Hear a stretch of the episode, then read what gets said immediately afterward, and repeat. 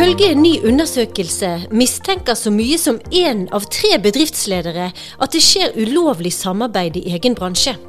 Men det er lys i tunnelen. Et økende antall bedrifter har fått økt kjennskap til konkurransereglene, og mange har satt i verk tiltak som skal hindre at de brytes.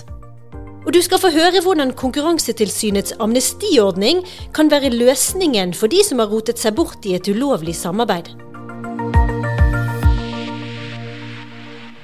Du hører på Konkurransepodden fra Konkurransetilsynet. Jeg heter Siri Løken og jobber i tilsynets kommunikasjonsstab.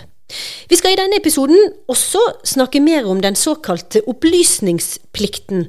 Hvorfor er mange selskaper pålagt å informere tilsynet når de f.eks. kjøper opp et selskap? Lars Sørgaard, konkurransedirektør, velkommen til deg. Takk skal du ha. Det skal først nå altså handle om en undersøkelse Konkurransetilsynet har fått utført blant norske bedrifter. Den viser bl.a. at én av tre bedriftsledere mener at det foregår ulovlig samarbeid i egen bransje. Og Lars, hva skal man si til det? Jeg syns det gir grunn til bekymring. Altså det, det, viser jo at det er både viktig og riktig at Konkurransetilsynet informerer om konkurransereglene, og ikke minst informerer om konsekvensene av å bryte regelverket. Nå har vi informert eh, ganske grundig om dette de siste årene, og nå eh, legger vi en ny plan for å ytterligere informere om reglene.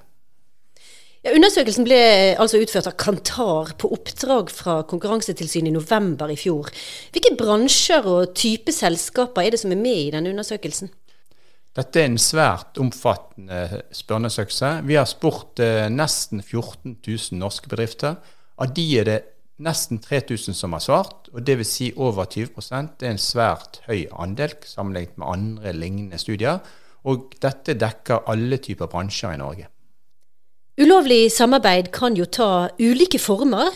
Vi skal ta ett eksempel. Nylig betalte alarmselskapet Verisure gebyret de ble ilagt av tilsynet på 766 millioner kroner. Årsaken til dette høye beløpet er at de samarbeidet ulovlig med konkurrenten Sektoralarm. Her er NRK Dagsnytt klokken 14. Alarmselskapene Verisure og Sektor Alarm har fått varsel om bøter på flere hundre millioner kroner for ulovlig samarbeid. De to selskapene har avtalt å ikke selge boligalarmer til hverandres kunder. Dette var fra NRK Dagsnytt juni 2019. Konkurranseklagenemnda sa seg nylig altså enig med tilsynet om at Verisure og Sektor Alarm samarbeidet om å dele alarmmarkedet mellom seg i perioden 2011 til 2017. Og Verisure har nå, som sektor, betalt gebyret. Men ulovlig samarbeid foregår i mange bransjer, og én ting er jo å bli enig med konkurrenten om ikke å gi tilbud til hverandres kunder. Men Lars, hva slags andre typer ulovlig samarbeid kan det være snakk om? Det er en rekke former for samarbeid som kan rammes av dette forbudet. Det bedriftene bør spørre seg sjøl, er følgende. Er det slik at min atferd har som formål eller virkning å begrense konkurransen? Hvis svaret er ja, så kan det være en overtredelse av loven. Eksempler på dette er det som du var inne på, at de eh, f.eks sender priser til hverandre i forkant av et anbud, og dermed har et prissamarbeid. Eh, det kan være at de eh, drøfter hvilke priser de skal sette i markedet. Eh, og det kan være at de utveksler det vi kaller konkurransesensitiv informasjon. Poenget er at de trenger ikke en avtale. Det at de snakker sammen om disse tingene, kan være en overtredelse sjøl. Konkurransetilsynet gjorde jo en lignende undersøkelse blant bedriftsledere i 2017. På hvilken måte har liksom, kunnskapen om konkurranseregler blitt bedre siden sist? Det positive er at kjennskapen har gått opp, sånn som du antyder. Det er nå f.eks. slik at uh, flere vet om at det er ulovlig å samarbeide på en måte som begrenser konkurransen. Uh, I 2017 var det 45% som sa de visste om dette. I år er det 65% Så det er gått betydelig opp. Og Slik ser vi òg når det gjelder kjennskapen til forbudet mot misbruk og dominans. Men altså, én ting er kjennskap. Eh, et annet og viktig spørsmål er jo om de beliter seg. For fører egentlig økt kjennskap til økt etterlevelse? Flere bedriftsledere sier at de endrer atferd. Eh, F.eks. sier de at de endrer på avtaler for å unngå at de bryter konkurransereglene. Det er òg en rekke eksempler på bedriftsledere som sier at de eh, dropper planer om fusjon og oppkjøp fordi de frykter at det kan bli stoppet av konkurransemyndighetene. Dette er egentlig godt nytt, for det viser at konkurransereglene har en forebyggende og preventiv virkning. og Dermed så fører det til at det blir en sunn konkurranse i markedene. Men er det noen tegn til at bedriftslederne i større grad nå enn i 2017 etterlever konkurransereglene? Vi må se nærmere på tallene for såkalt avskrekking og sammenligne de med tilsvarende tall for 2017. For å gjøre det må vi gjøre en grundig analyse. Men en interessant observasjon allerede er at eh, flere bedriftsledere i år enn i 2017 påpeker at gebyrer er viktig for avskrekking. Dette er interessant, fordi at eh, tilsynet de siste årene har ilagt og varslet en rekke høye gebyrer. Og dette tyder på at dette har en, eh, en preventiv virkning og en forebyggende virkning, og at det da får andre bedrifter til å tenke seg om en eller to ganger før de da bryter loven.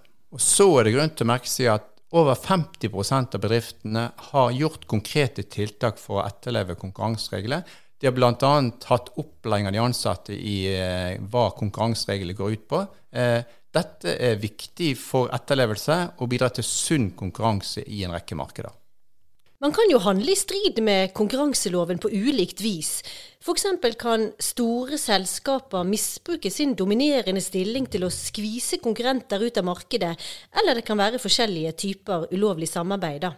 Hva tror du er grunnen til at noen bedrifter tar sjansen på å opptre på en måte som strider mot konkurransereglene, når de vet at konsekvensene kan bli store dersom de blir oppdaget? Hvis det er liten fare for å bli oppdaget og eh, få et vedtak mot seg, så vil det selvfølgelig ha betydning for om de ønsker å etterleve konkurransereglene. Etter mitt syn er det grunn til å være optimistisk når vi ser fremover, fordi det har vært en del vedtak og avgjørelser de siste årene som har hatt betydning for bedriftene. F.eks. har tilsynet nå eh, de siste årene hatt tre vedtak om forbud mot misbruk og dominans. Det var Telenor, og det har vært eh, Ringnes, og nå helt nylig Fodora. Det betyr at bedrifter blir oppmerksom på den konkurranseregelen og vil da etterleve dette forbudet. Og vi har òg hatt eh, viktige, og, eh, viktige, saker som gjelder konkurransebegrensende avtaler, som saken i alarmmarkedet. Så igjen, det gir etterlevelse, og dermed så vil bedrifter i større grad eh, opptre på riktig side av loven. Men så sier jo vi i tilsynet at bedriftsledere eller ansatte som vet om eller selv er en del av et ulovlig samarbeid, har en vei ut av dette uføret. da. Amnestiordningen til Konkurransetilsynet, hva går den ut på?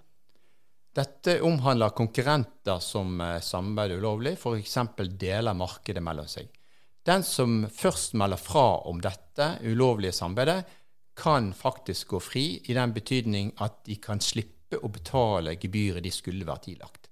Et eksempel på dette er fra eh, markedet for entreprenørtjenester i Midt-Norge. NCC og Veidekke eh, samarbeidet ulovlig i forkant av anbud. Eh, Veidekke la alle kort på bordet og slapp å betale gebyr på 220 millioner kroner.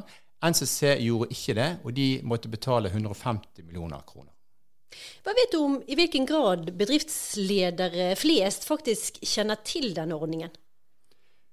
Hvis vi går tilbake til undersøkelsen i 2017, så så jeg det var kun 3% som kjente fullt ut til denne såkalte lempningsordningen.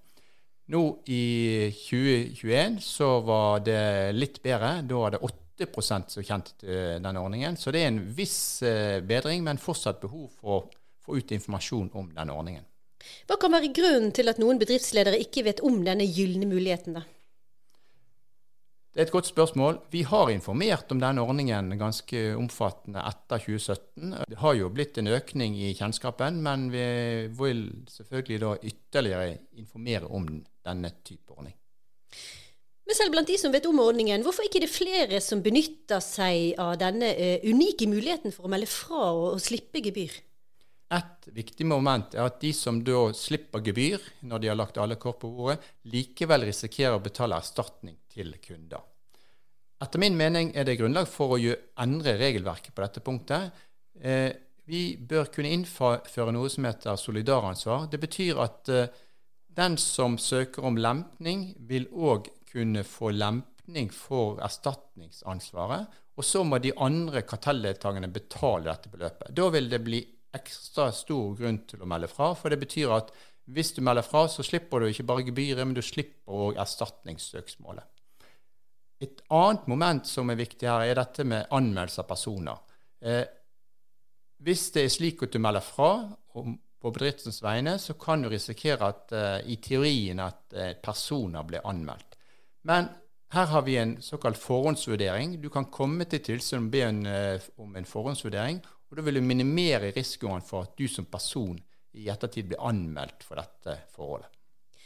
Men kan ikke man også se det eh, som litt urimelig at selskaper og ansatte som kanskje har gjort seg skyldige i grove konkurranselovbrudd, f.eks. ved å samarbeide om å øke prisene, slipper unna straff? Ja, det spørsmålet skjønner jeg godt. Alle har sikkert hørt begrepet 'sladrehank skal selv ha bank'. Eh, det er urettferdig, kan det virke, men samtidig er det veldig effektivt det som vi har opplevd i USA og EU de siste tiårene, er at dette har vært veldig effektivt for å få bedrifter til å melde seg og få en effektiv avslutning av mange karteller. Så det ut fra hensynet til å få mer velfungerende markeder, så dette er et veldig bra virkemiddel. Hvis du ikke melder fra da, og bedriften din blir tatt for ulovlig samarbeid med konkurrenten, så risikerer du at Konkurransetilsynet ilegger deg et gebyr på 10 eh, av omsetningen. Og det var jo årsaken til de høye gebyrene i alarmmarkedet. Når bedriftene vet at ulovlig samarbeid kan føre til straff som virkelig svir, hvorfor tar de da denne sjansen? En mulig årsak er at det faktisk er svært lønnsomt å ha prissamarbeid. Internasjonale studier viser at i en del tilfeller så er det liten eller ingen effekt av prissamarbeid. Men de finner samtidig at i en del eh, situasjoner, i en del prissamarbeid, så øker prisen med over 50% Det er et høyt tall. For å straffe særlig de verste kartellene, så bør vi etter min mening oppmuntre til mer bruk av private søksmål. Erstatning til kunder vil typisk være at du betaler mer ut desto mer du har økt prisen. Så ved å ha erstatning til kunder gjennom private søksmål, så vil du treffe nettopp de verste kartellene, de som øker prisene mest. Og det er nettopp de vi ønsker å avskrekke fra å bli dannet. Hva gjør Konkurransetilsynet nå da for å bedre kjennskapen til konkurransereglene blant bedrifter og bedriftsledere? Vi jobber kontinuerlig med å forbedre kjennskapen til konkurransereglene blant norske bedrifter. Denne studien som vi nettopp har gjennomført, viser at eh, bedrifter ofte får informasjon gjennom bransjeblader og bransjeorganisasjoner. Så vi ønsker å fokusere mye på den type kanal for å nå frem til bedriftene, og òg andre typer eh, eh, kanaler som gir informasjon ut til bedriftene. Og så er det slik at Denne studien gir en, en veldig mye informasjon om ulike aspekter ved hva bedriftene vet og ikke vet. Så nå vil vi gå nøye inn på å se hva de har sagt eh, om de ulike aspektene ved konkurransereglene. Og så vil vi skreddersy vårt budskap slik at vi informerer mest mulig om de tingene der det er størst behov for oppdatering. En av de tingene er dette med lempningsordning, som vi òg vil eh, informere mer om fremover i tid. Takk skal du ha, Lars. Bedrifter og bedriftsledere kan jo også holde seg bra oppdatert ved f.eks. å høre på Konkurransepodden, eller sjekke ut våre nettsider konkurransetilsynet.no. Nå skal det handle om plikten noen selskaper har til å informere Konkurransetilsynet om alle oppkjøp, også de aller minste. Hvorfor er opplysningsplikten så viktig, får du høre straks. Hanne Dahl Amundsen, velkommen til Konkurransepodden. Tusen takk.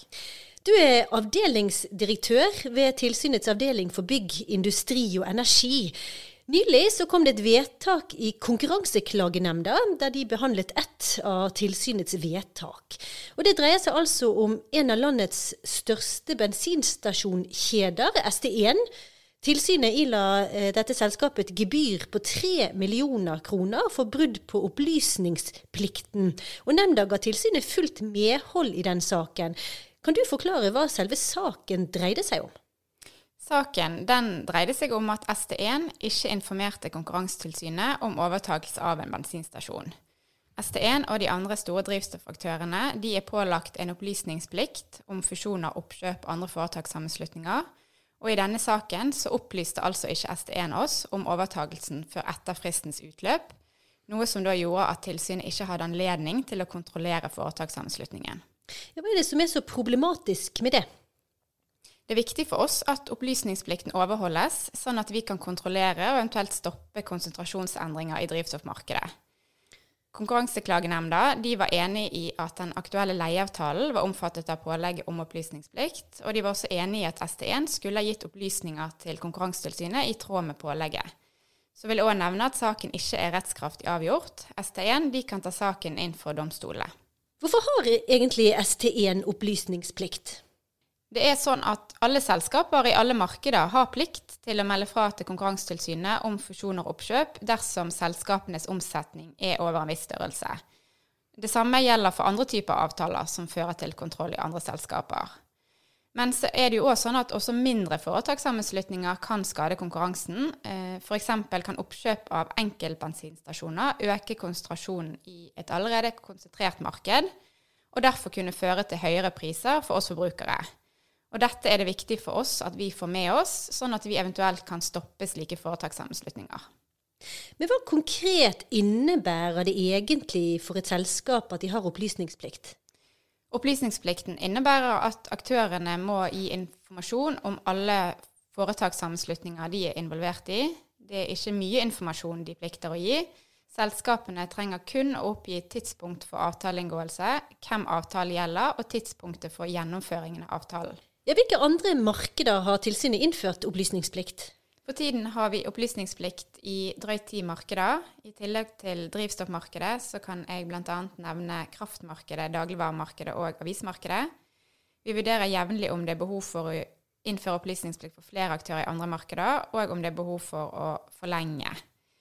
Og så kan jeg òg nevne at man på hjemmesiden vår kan finne informasjon om hvilke aktører som er pålagt opplysningsplikt. Men du, hvorfor er det viktig at selskaper melder fra til oss i tilsynet da, dersom de foretar seg noe som f.eks. endrer strukturen i markedet? Det er viktig for at vi skal kunne gjøre jobben vår.